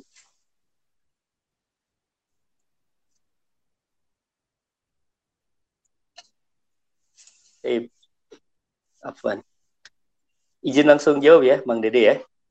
Jadi kalau misalnya kita, eh, Alhamdulillah, syukur. Uh, kalau misalnya kita bicara tentang uh, keyakinan kita terhadap uh, Allah Ar-Razzaq, lalu kemudian kita masih khawatir dengan masa depan kita, dengan rizki kita, saya tidak berani mengatakan bahwa ini penyimpangan akidah, ya, karena kalau saya memandangnya di dalam sebuah visi atau cara pandang tarbiyah ini, ini sesuatu yang harus diperbaiki. Ya, kalau masih kurang yakin, kecuali kalau tidak yakin, kalau tidak yakin pasti itu adalah bullshit, itu adalah penyimpangan pasti. Ya, kalau tidak yakin, dia mengatakan bahwa ya pokoknya mas saya yang mengatur rezeki saya itu berarti sudah penyimpangan. Tapi kalau misalnya kita masih khawatir, maka yang harus kita perbaiki adalah tauhid kita. Kita perbaiki. Jadi ranahnya adalah ranah perbaikan. Bagaimana caranya untuk kita bisa memahami tentang eh, atau memperbaiki ranah tentang Allah sebagai Ar-Razzaq ini? Yang harus kita lakukan adalah pelajari tentang asma wa sifatnya Allah Subhanahu wa taala. Pelajari tentang Ar-Razzaq, pelajari tentang ayat-ayat yang ada di dalam Al-Qur'an dan amati amati yang ada di semesta. Karena ada tadi Torik ilmu marifatillah ini ada dua kan, ada langsung melalui ayat, ada pengamatan semesta raya ini. Pengamatan semesta raya ini bisa kita buktikan bahwa Allah Subhanahu wa taala itu menjamin yang namanya rizki kita. Ada kan jenis rizki itu ada banyak ya, ada rizki yang sudah dijamin, ada rizki yang sesuai dengan ikhtiar kita dan seterusnya dan seterusnya begitu. Tapi kalau misalnya kita bicara tentang kebutuhan kita, tentang kebutuhan kita ini, tentang kebutuhan ya, tentang bicara tentang kebutuhan kita. Kebutuhan-kebutuhan kita ini pasti itu sudah dijamin oleh Allah Subhanahu wa taala. Misal kita bicara tentang kebutuhan kita oksigen, kebutuhan kita dijamin nggak? Dijamin, ya. Perlu bayar nggak? Nggak, nggak perlu bayar. Langsung dikasih. Karena ini adalah uh, basic need-nya manusia, dikasih oksigen. Kemudian juga kita perlu tanah untuk berjalan. Kebayang nggak tuh? Ini kan kadang-kadang kita tidak mensyukuri ini nikmatnya tanah yang kita pijak ini. Coba kalau misalnya tanah yang antum pijak lembek kan kelelep gitu. Dan ini diberikan oleh Allah. Berarti itu rizki dari Allah juga. Ya, antum perlu kemudian juga hari ini kan antum pakai penutup orat. Ya. Ini adalah satu hal yang merupakan rizki dari Allah Subhanahu wa taala. Basic need dikasih semuanya oleh Allah Subhanahu wa taala. Kemudian basic need apalagi? ya basic need-nya kemudian ketika antum uh, apa namanya mandi gitu ya ada yang sudah mandi ada yang belum kan? Kelihatannya mah gitu. Yang mandi biasanya tuh air. Airnya tuh diciptakan oleh Allah basic need-nya. Dikasih. Dan basic need ya subhanallah ya. Kalau misalnya kita bicara tentang air kan kalau air itu kekentalannya berubah sedikit saja jadi keras kan?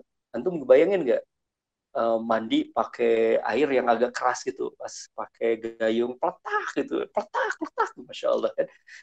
Benjol. Beres mandi itu bukan seger benjol. gitu. Itu luar biasa Allah subhanahu wa taala memberikan rezeki berupa air yang seperti itu seperti itu dari situ kita harusnya berpikir makanya Allah subhanahu wa taala menghargai ya menghargai yang namanya pengamatan kita ini menghargai yang namanya pikiran kita silakan amati Afala tatafakkarun? Apakah engkau tidak berpikir tentang itu semuanya kata Allah? Afala tadadabarun al-Qur'an? Engkau tidak bertadabur tentang bagaimana uh, misalnya kisah tentang Ibrahim ini yang menguatkan kisah tentang Ibrahim. Ibrahim itu pernah berdoa kepada Allah Subhanahu wa taala. Doanya seperti apa? Doanya itu indah sekali dan tapi saya ngeri kalau ini di, diiyahkan oleh Allah awalnya. Alhamdulillahnya Allah tidak mengiyahkan. Apa yang didoakan oleh Nabi Ibrahim? Doa, Ibrahim berkata ya berdoa kepada Allah, ya Rob warzuk min ahli berikan kepada ahliku, kepada keturunanku, orang-orang yang ditinggalkan di lembah Bakah ini, uh, minas samarot dari buah-buahan, tapi kemudian diberikan syarat oleh Nabi Ibrahim. Apa syaratnya? Man amanabillah. Man amanabillah, orang yang beriman kepadamu, orang-orang yang beramal soleh terus disebut. Apa kata Allah? Tidak seperti itu, wahai Ibrahim. Waman kafarot aku akan memberikan yang namanya rizki ini ya berupa samarah, berupa buah-buahan itu bahkan kepada orang-orang yang kafir. Allah tidak mensyaratkan ketaatan ketika Allah memberikan rizki misalnya. Apalagi bagi orang yang taat. Kalau saja Allah Subhanahu wa taala mensyaratkan ketaatan sebelum Allah ngasih makan dan minum, sudah banyak orang yang mati kelaparan di luar sana. Kalau Allah Subhanahu wa taala mensyaratkan ketaatan, Kemudian Allah Subhanahu wa taala untuk memberikan oksigen sudah banyak yang sesak napas di luar sana. Tapi Allah Subhanahu wa taala ternyata ketika Allah Ar-Razzaq itu bahkan kepada orang kafir pun Allah kasih. Nah, sekarang balik kepada kita. Alhamdulillah kita orang yang beriman. Alhamdulillah kita ini dikit-dikit lah rada soleh dikit gitu. Rada soleh dikit. Masa kepada orang kafir saja Allah ngasih. Toh kita sebagai orang yang beriman, sebagai orang yang lagi belajar taat, dikit lah, rada soleh lah dibandingkan orang lain gitu, dibandingkan orang kafir. Kalau dibandingkan orang lain bisa jadi orang lain bisa soleh. Dibandingkan orang kafir maka kita rada soleh dikit lah gitu ya. Uh, masa sih Allah tidak memberikan rizki. Nah ini adalah satu hal ya yang dari logika itu saja, dari logika dari ayat kemudian kita pahami dengan logika kita, pahami dengan pemahaman kita, maaf maksudnya ya. Ya ini yang namanya tadabur dimasukkan ke dalam kehidupan kita dari kasusnya Ibrahim itu menguatkan kita bahwa jangan takut terhadap yang namanya rizki. Yang penting itu adalah kita beriman, yang penting itu kita taat, kemudian kita berikhtiar dan setelah kita berikhtiar kita bertawakal. Ya, uh, ada sebuah permisalan sederhana lagi. Sekarang nggak ada satupun eh, saya nggak sakit hati. 12 dan yang luar biasanya tuh kucing itu ketika ketika ada datang gitu kan kucing nggak ada manfaatnya datang yang yang yang yang gitu ya. Saya lagi capek pulang dari mana-mana dia datang duduk aja di pangkuan gitu ya. Saya elus-elus kasih kasih makan gitu ya. cuma gitu aja kerjanya kucing itu. Ya, nyenengin nyenengin yang ngurusnya nyenengin yang ngurusnya dia langsung dikasih makan. Tugasnya cuma apa? Nyenengin yang dia yang ngurusnya. Tugasnya cuma itu. Kalau melihara kambing saya jualan kambing kalau melihara kambing melihara sapi gitu ya. Kalau gede bisa dipencit bisa disembelih dimakan tapi kalau ucing kan nggak bisa tugasnya ucing cuma menyenangkan ya ngurusnya nah begitu pula kita ya meskipun tidak sesederhana itu, tapi kita bisa mengambil ibrah pelajaran dari itu semuanya. Tugas kita ini taat kepada Allah. Tugas kita ini uh, beriman kepada Allah, taat kepada Allah. Nanti Allah akan memberikan bimbingan, memberikan arahan kepada kita, memberikan ilham kepada kita apa yang harus kita perbuat dan kita beriman kepada Allah. Allah ini adalah uh, sang pencipta takdir-takdir kita dan kita sedang uh, berjalan di atas takdir-takdir yang diciptakan oleh Allah itu. Kurang lebih seperti itu ya, Bang ya. Wallahu a'lam. Silahkan yang lain. Masya Allah pertanyaannya sangat bagus ya Ustaz. Ini ada pertanyaan lagi Ustaz, boleh Ya, mangga silahkan. Eh, dari Teh Arifah, Bismillah Ustadz izin bertanya, dalam menjelaskan sifat-sifat Allah, dilarang untuk melakukan tahrif atau penyimpangan makna, tatil menolak nama atau sifat Allah, tamsil menyerupakan, dan tah tahif mengilustrasikan. Kalau batasannya seperti apa Ustaz? Karena ada yang mengilustrasikan seperti Allah miskol atau chat, sedangkan perbuatan itu dilakukan oleh manusia. Mangga Ustaz. Hmm. Iya. Nah ini di dalam akidah Siti ya, disampaikan di halaman tengah. Jadi setelah Ibnu Taimiyah menjelaskan banyak hal, kemudian beliau mengatakan ya seperti ini mengatakannya. Hmm, mana ini uh, oh di di awal ya di awal maaf di awal di awal. Uh, beliau kemudian mengatakan bahwa eh, mana ini masya Allah tadi saya sudah sempat baca di tengah atau di awal ya. Beliau mengatakan tentang itu syarat-syaratnya. Yaitu uh, beliau mengatakan uh, ini ini ini ada ada ada. Uh, Nah, iya, ini ya. Fa'ina firqata najiyata ahlas sunnah wal jamaah yu'minuna bidalik uh, di, di, di, di apa di diawali dengan sebuah pertanyaan. Bagaimana sih sebenarnya tentang firqahnya ahlus sunnah wal jamaah? Uh, bagaimana ketika kita mengimani ini semuanya? Nah, kemudian disampaikan oleh Ibnu Taimiyah, kama yu'minuna bima akhbarallahu bihi fi kitabih. Kita mengimani tentang sifat-sifatnya Allah itu seperti yang dikabarkan saja di dalam kitabnya. Uh, kemudian dikatakan min ghairi tahrifin wala ta'til wa min ghairi takyif wala tamsil. Balhum wasatu fi firaqi ummah kama ana ummata hiya wasatu fi umam. Jadi beliau mensyaratkan tadi yang disebutkan di dalam pertanyaannya itu ya. Uh, sehingga kemudian ini banyak diambil sebagai sebuah panduan bahwa kalau kita bicara tentang asma wa sifatnya Allah Subhanahu wa taala cukup apa yang ada di dalam Al-Qur'an. Ketika Allah Subhanahu wa taala mensifat, mensifati dirinya itu adalah uh, misalnya itu uh, apa kekuasaannya itu ada di dalam Quran. Kalau sifatnya itu Kemudian juga asma, ini yang menjadi sebuah persoalannya asmanya dulu ya, sebelum kemudian sifatnya. Karena tauhidnya kita asma wa sifat yang harus kita pelajari itu di bab yang ketiga asma wa sifat. Kita belum masuk ke sana sebenarnya. Tapi nggak apa-apa, kita sekilas saja kita bicara tentang asma wa sifat. Kalau asmanya itu, asmanya ini yang kita kenalkan sebagai asmaul husna itu ada 99. Tetapi kemudian ahlu sunnah wal para ulama ahlu sunnah wal mengatakan itu adalah asma yang wajib kita ketahui. Di samping itu karena asma Allah itu tidak terbatas. Ya, hanya kemudian Allah Subhanahu wa taala memperkenalkan asmanya itu itu dan itu yang wajib untuk kita ketahui. Sehingga kemudian kita tidak tidak usah bahasanya saya Usaimin mengatakan tidak usah untuk terlalu berimprovisasi kemudian kita memberi nama yang lain yang lain yang lainnya cukup yang itu saja. Karena kalau itu dipelajari juga menjadi samudra ilmu yang begitu sangat luar biasa. Yang menjadi samudra ilmu yang sangat luar biasa. Kemudian ketika kita bicara tentang sifat di sini ada berbagai perbedaan ketika mengelompokkan menjadi jumlah. Ya menjadi jumlah. Kalau misalnya di dalam asariah jadi 20 dalam atohiyah atau hawiyah jadi 115 gitu ya misalnya poinnya itu. Jadi 115 poinnya itu.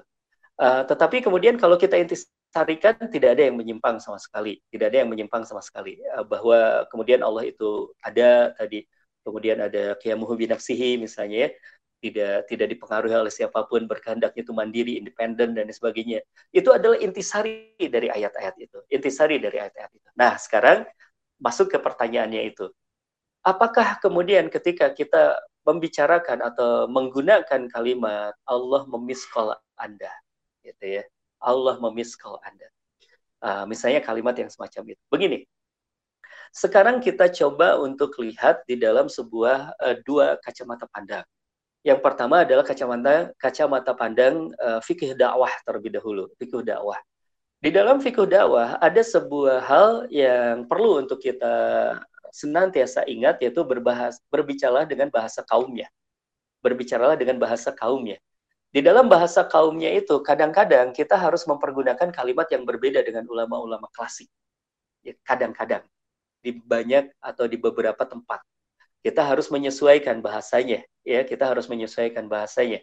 Ya, kalau misalnya tadi saya sampaikan juga saklek dari tiga kitab itu, dari kitab Akidah Al-Wasitiyah, Akidah atau Hawiyah, dengan Akidah Al-As'ariyah, bingung tuh? Pasti pusing ngebul di sini. Saya bacanya juga pusing ngebul gitu. Itu intisari berapa lama itu baru kemudian bisa paham tentang itu semuanya. Ya pasti pusing sekali. Tapi ketika dijelaskan dengan lebih ringan mungkin insya Allah Allah Subhanahu Wa Taala mudah-mudahan memberikan pemahaman kepada kita lebih mudah lagi. Jadi ada bahasa yang namanya bahasa dakwah.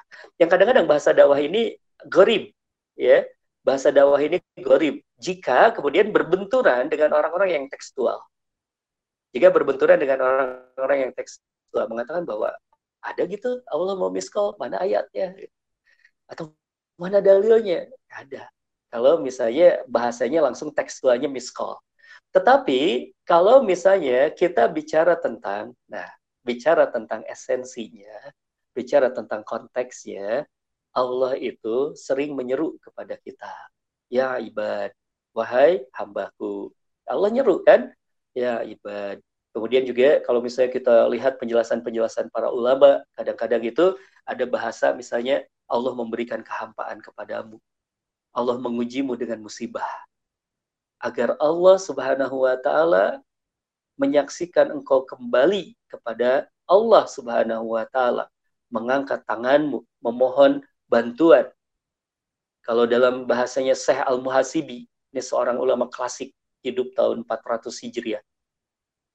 Beliau mengatakan, tatkala Allah Subhanahu wa taala ingin dekat dengan seorang hamba, tetapi hamba ini tidak pernah kemudian juga mendekat kepada Allah. Lalu kemudian Allah Subhanahu wa taala memberikan musibah kepada hamba tersebut. Sehingga ketika Allah Subhanahu wa taala memberikan musibah kepada hamba tersebut, Allah Subhanahu wa taala mencabut semua yang dimilikinya, mengambil semua yang dimilikinya. Sehingga dalam kehampaan itu, dalam kepapaan itu, dalam musibah itu, dia mengangkat tangannya kepada Allah Subhanahu wa taala sambil berkata, "Ya Rabbi, ya Rabbi, ya Rabbi, ya Rabbi."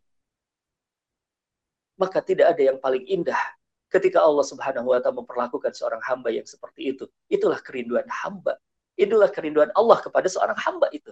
Kerinduan Allah kepada seorang hamba itu. Tatkala Allah merindukan seorang hamba untuk dekat, maka kemudian Allah memberinya musibah. Itu bahasanya saya al-muhasibi. Kerinduan kepada Allah. Uh, seruan rindu dari Allah subhanahu wa ta'ala kepada hamba. Dibahasakan dengan bahasa gaul, miskol.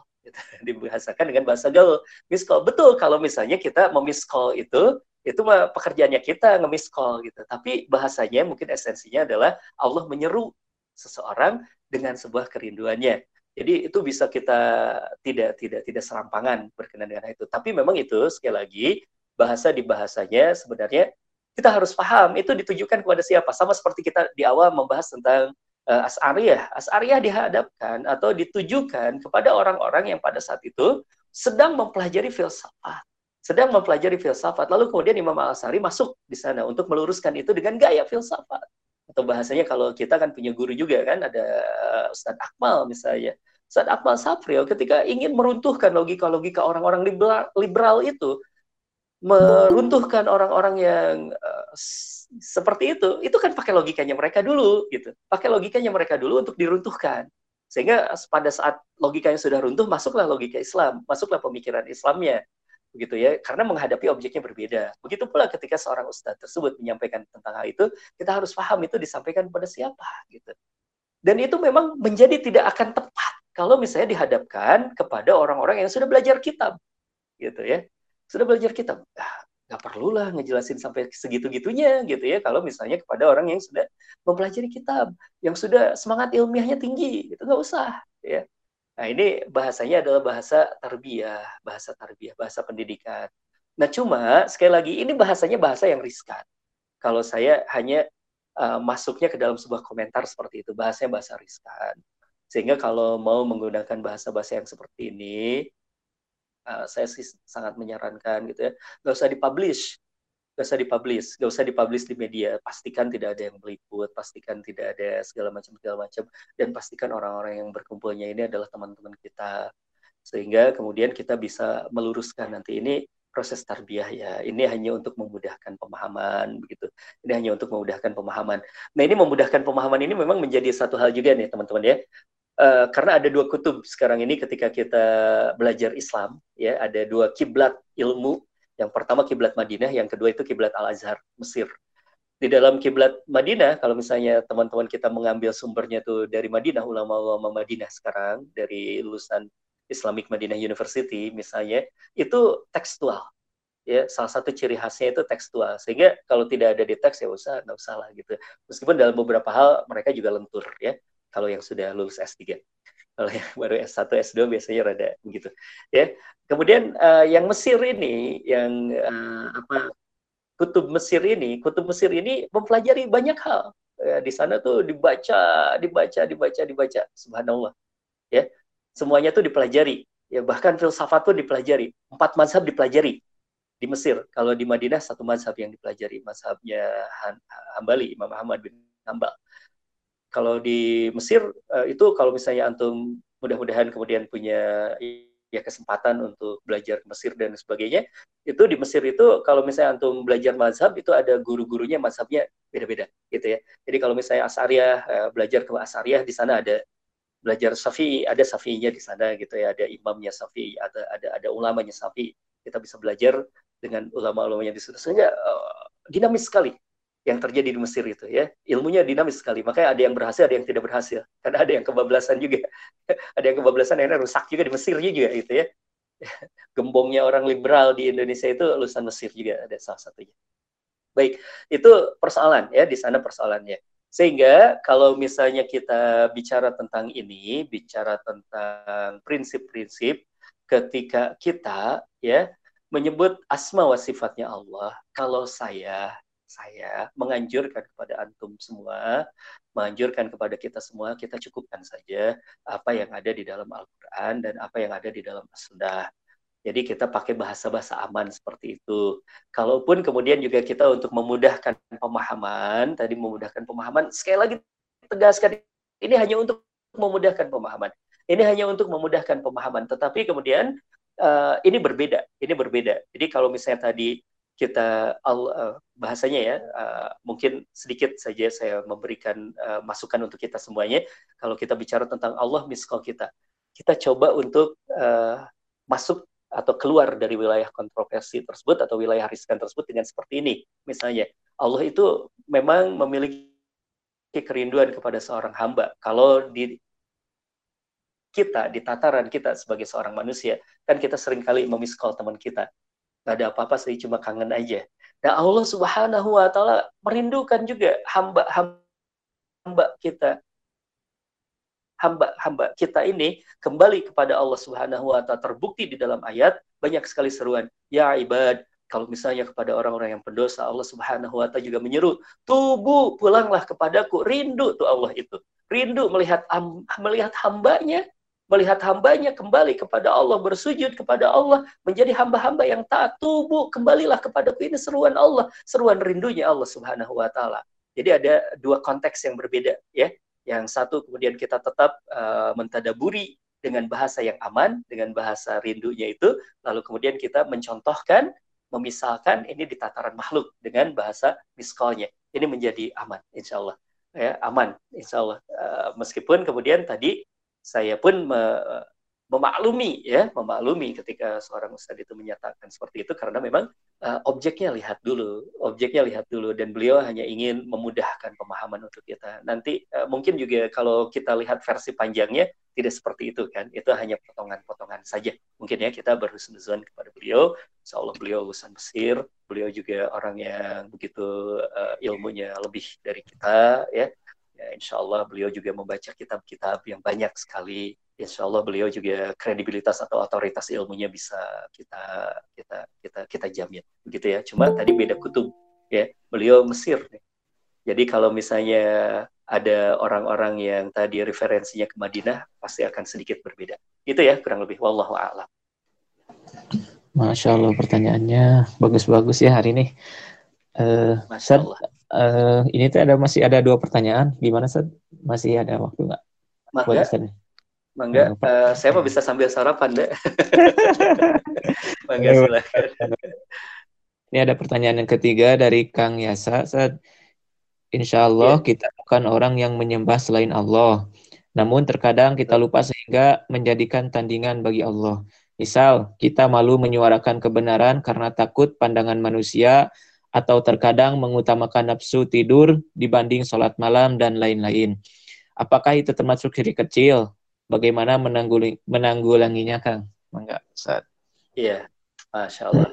Jadi kalau dalam bahasa ayat itu ada disebut anda, anda, anda itu adalah uh, apa ya anda itu pendamping atau sesuatu yang disamakan. Jadi tidak sampai di ataskan tapi disamakan, disamakan. Anda dan itu kalau bahasan tentang adat itu banyak. Misalnya ketika kita bicara tentang pujian, ya, ada seseorang yang uh, mengutamakan pujian. Terbukti ketika dia dipuji, amalnya jadi bagus. Kalau tidak ada pujian, pundung, fi sabilillah. pundung, non pundung, eh, ke mana aja? Ah, saya mau udah berbuat baik juga nggak ada yang muji. Ah, berarti itu dia sudah menuhankan yang namanya pujian, sudah menuhankan pujian. Nah, kalau misalnya kasus-kasusnya seperti itu, masuknya kepada sirik asgar, yaitu sirik kecil. Dan kalau kita bicara tentang sirik kecil itu, sirik kecil itu tidak tidak tidak membawa kita kepada kemurtadan, tidak membawa kita kepada uh, sirik uh, kabir ya, akbar gitu. Tidak tidak masuk ke sana, tidak mengeluarkan kita dari Islam. Tapi kemudian ini adalah masalah-masalah penyakit, masalah penyakit-penyakit hati penyakit-penyakit hati yang kalau dalam uh, tulisannya atau dalam kitabnya Ibnu Qayyim itu ditulis dalam kitab Tib al-Qulub obat hati. Dalam kitab obat hati itu dikatakan ini salah satu hal yang harus dibersihkan. Dibersihkannya dengan apa? Tauhid. Dibersihkannya dengan tauhid. Jadi kalau beliau ya menarik tuh Ibnu Qayyim itu mengatakan tentang kolbun salim itu salah satu definisi dari kolbun salim itu adalah hati yang selamat dari tujuan-tujuan yang lain selain Allah. Sederhana kalbun salim itu adalah hati yang selamat dari tujuan-tujuan yang lain selain Allah. Itu kalbun salim. Jadi bukan berarti kalbun salim itu hanya kemudian uh, kita tidak iri pada orang lain, bukan seperti itu. Tapi awalnya adalah kalbun salim itu adalah hati yang terbebas dari tujuan-tujuan selain Allah Subhanahu wa taala. Karena dari sini penjabarannya banyak sekali, ya penjabarannya banyak sekali. Kalau dari situ saja penjabarannya sudah banyak sekali. Uh, karena ketika kita uh, hati kita ini lurus terus dari tujuan-tujuan selain Allah, yang tadi yang tadi itu bakal hilang semuanya. Ria, sombong kita, sum'ah kita akan hilang. Julid kita akan hilang gitu ya. Termasuk kemudian juga ketakutan-ketakutan kita. Itu kan hilang. Ketakutan-ketakutan kita ketika kita menyuarakan kebenaran misalnya ya kan sekarang itu Allah Akbar ya di negeri Brazil selatan-selatannya itu itu kan kalau misalnya menyuarakan Islam itu bisa ditangkap ya bisa dianggaplah radikal, bisa dianggaplah teroris gitu. Itu di Brazil selatan-selatan. Saya lagi lagi bicara negeri kita ya. di bisa ditangkap gitu ya, bisa ditangkap, dimasukkan ke dalam penjara dan lain sebagainya gitu. Tapi kalau saja orang sana itu punya tauhid yang benar, dia akan tetap menyampaikan itu semuanya. Ya, tetap menyampaikan itu semuanya. Kenapa? Karena dia memahami adinu nasihat. Agama itu adalah nasihat. Dan salah satu yang menjadi objek nasihatnya adalah siapa? Penguasa. objek nasihatnya adalah penguasa. Dia akan sampaikan nasihatnya itu tentu dengan ada adab-adabnya, tentu ada jalur-jalurnya, tentu ada siasah yang harus kita pelajari, tentu kemudian juga ada beberapa hal yang harus kita bangun juga sambil kita mengkoreksi gitu ya. Kita bangun sambil mengkoreksi. Kita tetap bisa koreksi pemerintahan di Brazil Selatan Selatan Selatan itu, lalu kemudian kita bisa bangun juga ya kita sambil bangun juga karena yang namanya pemerintahan itu juga dikendalikan oleh manusia dan manusia itu adalah produk pendidikan. Kita bisa mulai dari memperbaiki pendidikannya, kita bisa mulai dari memperbaiki fikrahnya, kita bisa memulai dari kemudian juga kelompok-kelompok seperti kita ini, kelompok-kelompok kecil kita ini, kita perbaikin ya. Nanti kan bisa jadi salah satu di antara antum jadi pejabat, bisa jadi salah satu dari antum jadi presiden di Brazil utaranya gitu ya. gitu. Nah, nanti ketika antum jadi presiden, ketika antum jadi pejabat, kan antum sudah terdidik dengan baik, antum sudah tertarbiyah dengan baik, nanti tinggal dirubah negerinya. Jadi kalau misalnya kita uh, bicara tentang ini semuanya dua hal ya. Uh, di sisi yang lain mengkoreksi atau memberikan nasihat ini juga sesuatu yang tidak boleh kita tinggalkan. Amar ma'ruf nahi munkar, tetapi kemudian kita jangan juga melupakan yang namanya membangun benteng kita, membangun taman-taman kita, membangun ladang-ladang kita karena kita akan menuai SDM nanti 10 tahun, 20 ya. Sekarang ini yang kemudian sedang pentas di pentas dunia yang sedang mengatur dunia itu adalah hasil dari pendidikan 20 tahun yang lalu. Hasil dari pendidikan 20 tahun yang lalu. Nah, kita kalau misalnya kita ingin memperbaiki ini semuanya, kita fokus di sana, gitu ya. Kita fokus di sana sambil terus kita koreksi juga. Ini yang dinamakan uh, teori potong generasi, memotong generasi. Kita perbaiki generasinya sehingga kemudian nanti orang-orang ini juga kan akan mati nantinya, akan meninggal juga. Nanti ada pergantian generasi dan generasinya sudah kita siapkan dengan baik, gitu ya generasinya sudah kita siapkan dengan baik. Mohon doa juga, Tum, uh, saya sedang diamanahi. Alhamdulillah saya berjumpa lagi dengan guru saya, ada Ustaz Riza Sarif berjumpa kemarin. Masya Allah, uh, kita diamanahi ada satu lahan luas sekali, ada 10 hektar. Dan akan terus bertambah. Akan terus bertambah. Kita mau bangun pesantren di sana. Pesantrennya basisnya adalah basis entrepreneur, ya. Ada juga di sana uh, alhamdulillah dokter-dokter ekonomi syariah sudah bergabung juga. Jadi beliau yang mereka bikin nanti akan bikin peternakan di sana akan bikin uh, pertanian ada akan bikin pabrik juga. Jadi SDM-nya kita bangun tauhid yang benar adab yang benar kemudian juga ada Al-Qur'an yang kita ajarkan di sana. Lalu kemudian juga ada yang namanya entrepreneur di sana ya uh, bisa mengelola pertanian, bisa mengelola perkebunan, bisa mengelola peternakan, bisa mengelola pabrik gitu. Nah ini orang-orang yang nanti kita akan munculkan. Nanti ke depannya orang-orang yang seperti ini yang harus mentas di dunia ini. Sehingga orangnya fikrohnya benar, tauhidnya bagus, fikrohnya benar, lalu kemudian juga ability. Ya punya kemampuan, punya ability to do, punya kemampuan untuk berbuat sesuatu. Karena seorang yang akidahnya kuat juga kalau tidak punya kemampuan berat juga ya untuk menjadi solusi hari ini. Nah ini uh, itu ya seperti itu. Jadi kalau misalnya tadi uh, pertanyaan Bang Yasa dikatakan bahwa bagaimana apakah ini termasuk tentang penyimpangan akidah, uh, saya tidak berani mengatakan penyimpangan akidah, tetapi ini adalah sesuatu yang harus kita perbaiki. Ya, ini dalam proses on the way. On the way, kita perbaiki, kita perbaiki. Ini perbaiki karena ini termasuknya kalau saya sepakat dengan Ibnu Qayyim mengatakan penyakit-penyakit. Ini adalah penyakit-penyakit yang harus disembuhkan. Allah a'lam. Kurang lebih seperti itu. Masya Allah. Eh, kasih Sad. Uh, ini tuh ada satu pertanyaan lagi dari Kang Engkus, tapi kayaknya kita batasi aja dulu ya Ustaz ya, karena dilihat juga teman-teman kayaknya masih ada yang beraktivitas, kemudian Ustaz juga sepertinya ada agenda lain. Kita tutup saja Ustaz dengan mungkin dengan doa dari Ustaz atau kata-kata penutup Bang Ustaz. Baik, Alhamdulillah teman-teman yang dirahmati oleh Allah Subhanahu wa taala, alhamdulillah hari ini kita sudah mempelajari satu dasar dari akidah yaitu tauhid rububiyah. Mudah-mudahan ini bisa menjadi sebuah kekuatan buat kita dan yang paling penting lagi, ada yang paling penting lagi, yang paling penting lagi adalah kita menjadi terpicu untuk belajar ya. Ternyata masih banyak sekali yang belum kita pelajari. Banyak sekali yang masih belum kita pelajari. Maka uh, luangkan waktu kita untuk menggali ilmu ini, mengikuti daurah-daurahnya kita, mengikuti kemudian juga mentoringnya, mentoring-mentoringnya kita. Mudah-mudahan Allah Subhanahu wa taala mengkaruniakan kepada kita ilmu, ilmu yang bermanfaat, ilmu yang akan mengantarkan kita kepada iman yang benar, ilmu yang menyampaikan kita pada nikmat dan lezatnya keimanan kita dan ilmu yang akan menyampaikan kita kepada ketaatan kita kepada Allah Subhanahu wa taala. Mudah-mudahan bermanfaat untuk kita semuanya dan mari kita berdoa kepada Allah Subhanahu wa taala. Allahumma shalli wa sallim wa barik ala Muhammad wa ala alihi wa sahbihi ajmain. Ya Rabbi, ya Rabbana lakal hamdu kama yanbaghi li jalali wajhika wa 'azimi sultanik. Raditu billahi rabba wa bil islami dina wa bi Muhammadin nabiyya wa rasulah. Ya Allah ya Rahman ya Rahim. Kami memohon kepadamu kami mengucapkan kepadamu segala bentuk rasa syukur kami kepadamu. Terima kasih ya Allah. Binikmatil iman, binikmatil Islam, binikmatil ukhuwah, binikmatil dakwah. Atas nikmat iman, atas nikmat Islam, atas nikmat ukhuwah, atas nikmat dakwah ini ya Rabb. Ya Rabbana ilahana. Kami memohon kepadamu ya Rabb, jangan kau cabut nikmat ini dari kami. Jadikan kami senantiasa pantas dan layak untuk di barisan dakwah ini. Ya Rabbana, senista apa pun kami, sehina apa pun kami, bersihkan hati kami, bersihkan jiwa kami, Ya Rabbana.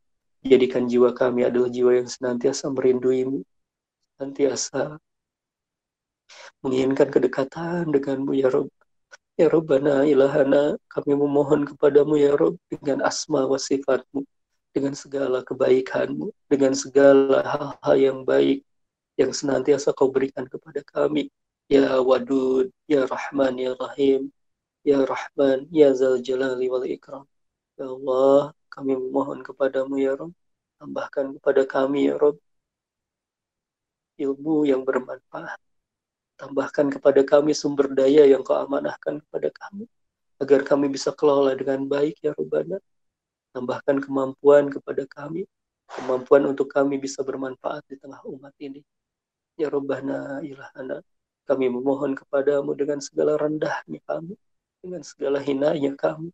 Ya Rob, bimbing kami agar kami bisa terlepas, terhindar dari fitnah zaman ini. Ya Rob, ilahana, kami memohon kepadamu keberkahan di sisa-sisa usia kami.